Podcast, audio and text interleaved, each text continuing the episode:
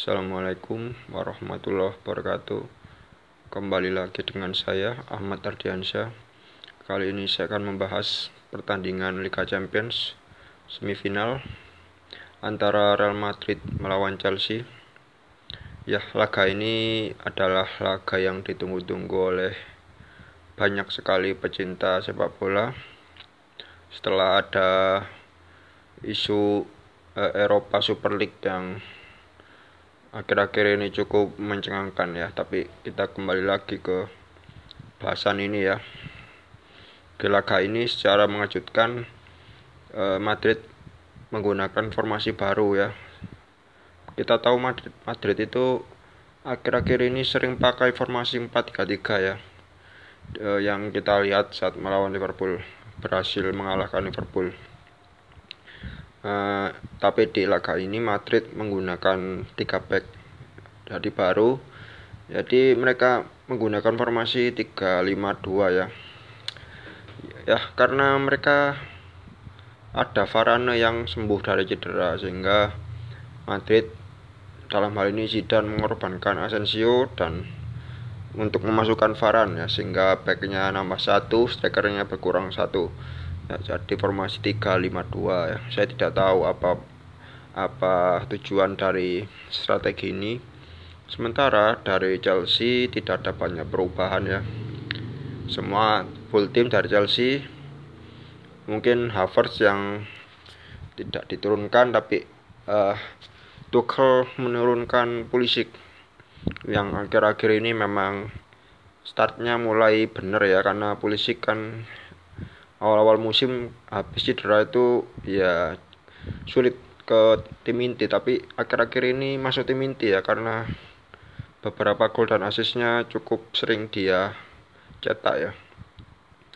Dan Tuchel masih eh, mengandalkan Werner ya walaupun saya melihat bahwa Werner keefektifannya ya kurang begitu baik di bawah standar malah ya banyak yang peluang yang dia nggak banyak cuma jarang yang bisa diselesaikan oleh dia dengan standarnya striker ya. Di Werner harus bekerja lebih keras karena tuntutan untuk tim sebesar Chelsea itu tinggi.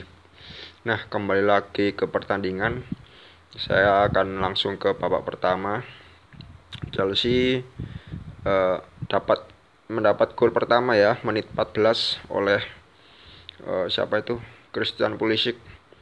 Ini hasil dari umpan Rudiger umpan lambung di mana Pulisic lolos dari jebakan offset dan penjagaan uh, dan langsung berhadapan satu lawan satu dengan Courtois dia melewati Courtois dan pemain Madrid sudah ada dua di belakang untuk mengcover gawang yang sudah kosong yakni Nacho, Nacho dan Varan tapi polisi uh, menendang ke sisi yang sulit sehingga masuk skor 1-0 untuk Chelsea.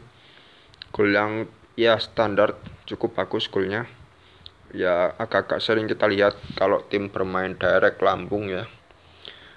Uh, Madrid gagal untuk me, me, mengantisipasi hal ini.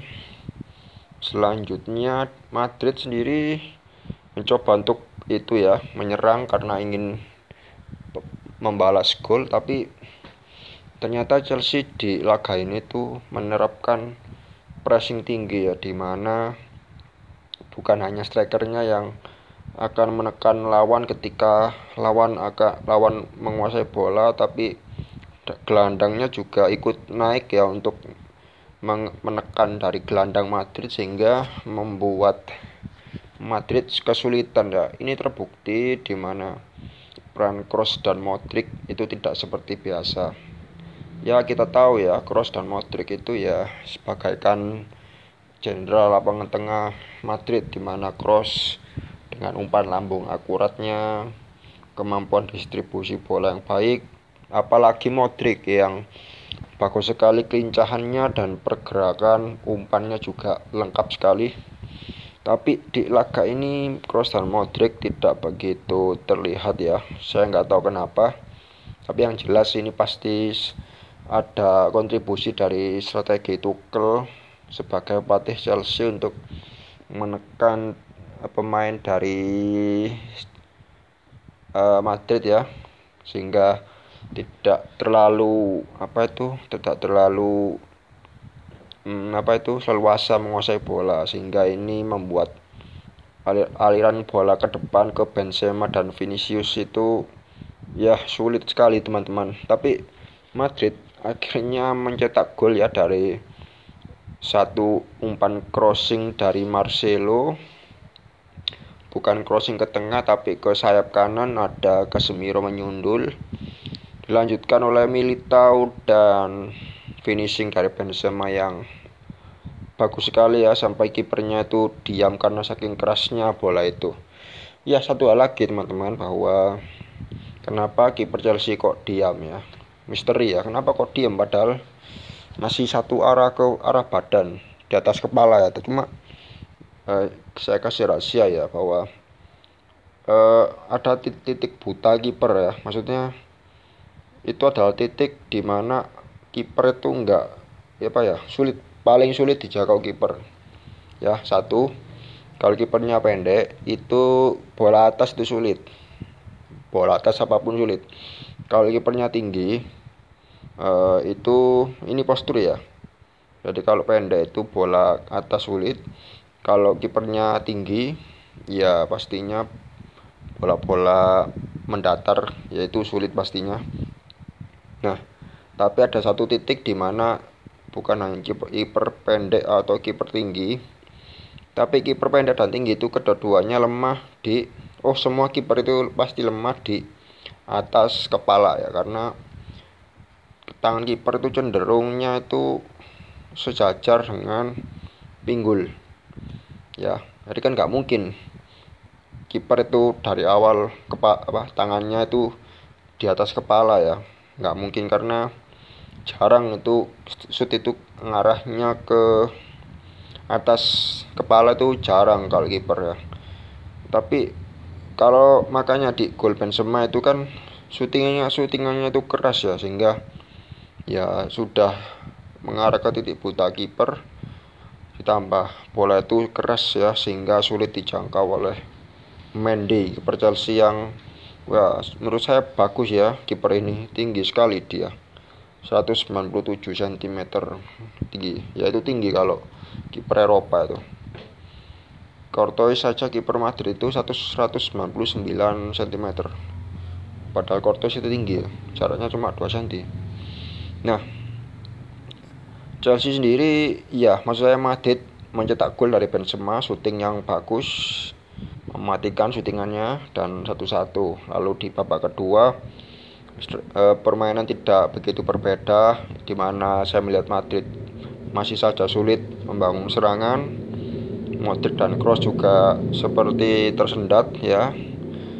Lalu tapi Benzema selalu bisa memberikan opsi karena Benzema luar biasa ya karena bergerak bergerak menggiring bola pergerakan tanpa bolanya juga bagus dan juga beberapa beberapa kali syuting jarak jauh ya Benzema luar biasa di hari ini ya. Mungkin of the match ya memang dia ya. Bukan hanya gol tapi pergerakan juga bagus sekali. Ya, tapi ya itu tadi ya Madrid sulit. Di babak, babak kedua itu sulit Madrid ya. Sama saja kayak babak pertama. Sementara dari Chelsea ya Chelsea tetap itu ya mencoba untuk uh, menguasai bola tapi untuk ball possession ya nggak beda-beda beda-beda tipis. Kedua tim nggak ada yang dominan yang terlalu mayoritas gitu tidak ada. Tapi Chelsea itu coba menguasai bola cuma memang peluang banyak Chelsea. Madrid juga ya shoot, shoot on goal pun Madrid cuma satu ternyata ya. Makanya ini saya kaget ya mungkin karena formasinya ini ya membuat Madrid formasi baru itu membuat Madrid gagal formasinya gagal ini. Ya karena Carvajal ya maupun Marcelo ini nggak begitu berfungsi kemarin. Karena Carvajal tuh ya baru sembuh cedera ya. Kebetulan Vasquez yang jadi bek kanan cedera juga ya. Carvajal akhirnya menggantikan ya. Cuma ya masih terlambat panas itu Carvajal. Gak kayak dulu itu lalu Marcelo ya ya itu ya nggak begitu ya sama aja nggak kelihatan juga Marcelo itu. Ini membuktikan kalau Marcelo kalah saingan dengan Ferland Mendy di back kiri ya Madrid. Karena Ferland Mendy back kiri Madrid eh, ternyata ketika dia main ya lebih banyak menangnya ya kalau Marcelo kan. Ya timnya kalau nggak seri kalah gitu. Menang juga jarang-jarang ya. Tapi ya kembali lagi bahwa Chelsea ternyata bisa membalikan keadaan ya. Kita nggak saya saya saja tidak memprediksi Chelsea akan se itu ya apa serap sirap rap mainnya tuh rapi ya. Nggak banyak lubang-lubang ya sehingga Madrid sampai sulit mengalirkan bola ya. Tidak seperti Madrid yang kita temui. Cuma per di Chelsea itu di itunya apa striker tengahnya ya. Karena Werner ini ya walaupun saya melihat Werner itu bekerja keras work rate-nya tinggi di pemain ini tuh kayak nggak ada capeknya ya pergerakannya banyak ini larinya cepat ya. Cuma ya Werner itu kurang klinis ya jadi perlu peluang yang sangat matang sampai dia baru bisa mencetak gol. Padahal striker itu striker bagus saya nilai kalau peluang seperempat itu peluang seperempat itu bisa jadi gol. Tapi Werner tidak bisa ya mencetak gol sehingga ya tak, tapi untungnya ada polisi sih ya cukup membantu.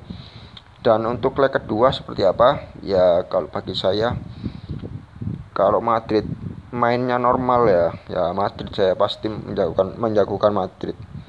Tapi kalau mainnya kayak kemarin ya wassalam Madrid karena nggak berkembang tapi pasti Zidane itu itu ya mau ganti sistemnya karena ini gagal ini.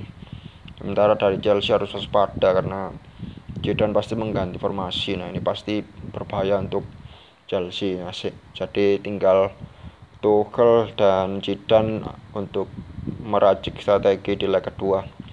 Kekuatan Madrid nyata saya lihat ada di Benzema ya. Walaupun Modric dan Cross mati kutu kemarin tapi Benzema nggak begitu ngaruh. Ternyata Benzema masih merajalela kemarin. Benar-benar mandiri ya bisa menciptakan peluang bagi dirinya sendiri. Tidak tergantung pemain lain. Sementara dari Chelsea ya semuanya kemarin agak merata mainnya nggak ada yang terlalu dominan.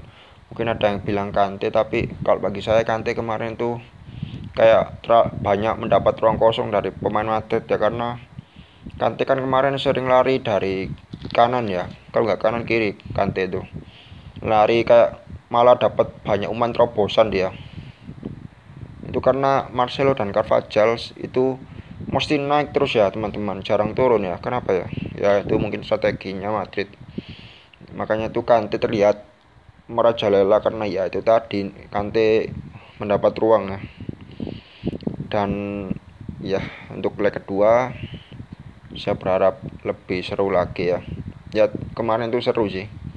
Karena Chelsea melawan ya saya senang kalau melawan. Karena secara matematika tuh kalau tim melawan Madrid itu pasti itu ya mengerikan. Karena Madrid kan sudah juara Liga Champions tiga kali berturut-turut ya. Itu kan sulit. Rekor yang belum dipecahkan lagi ya. Ya semoga bermanfaat ya dari saya lag yang seru kita akan tunggu leg kedua dan jangan lupa saksikan Liga Champions semifinal Liga Champions selanjutnya. Wassalamualaikum warahmatullahi wabarakatuh. Salam sepak bola. Salam merdeka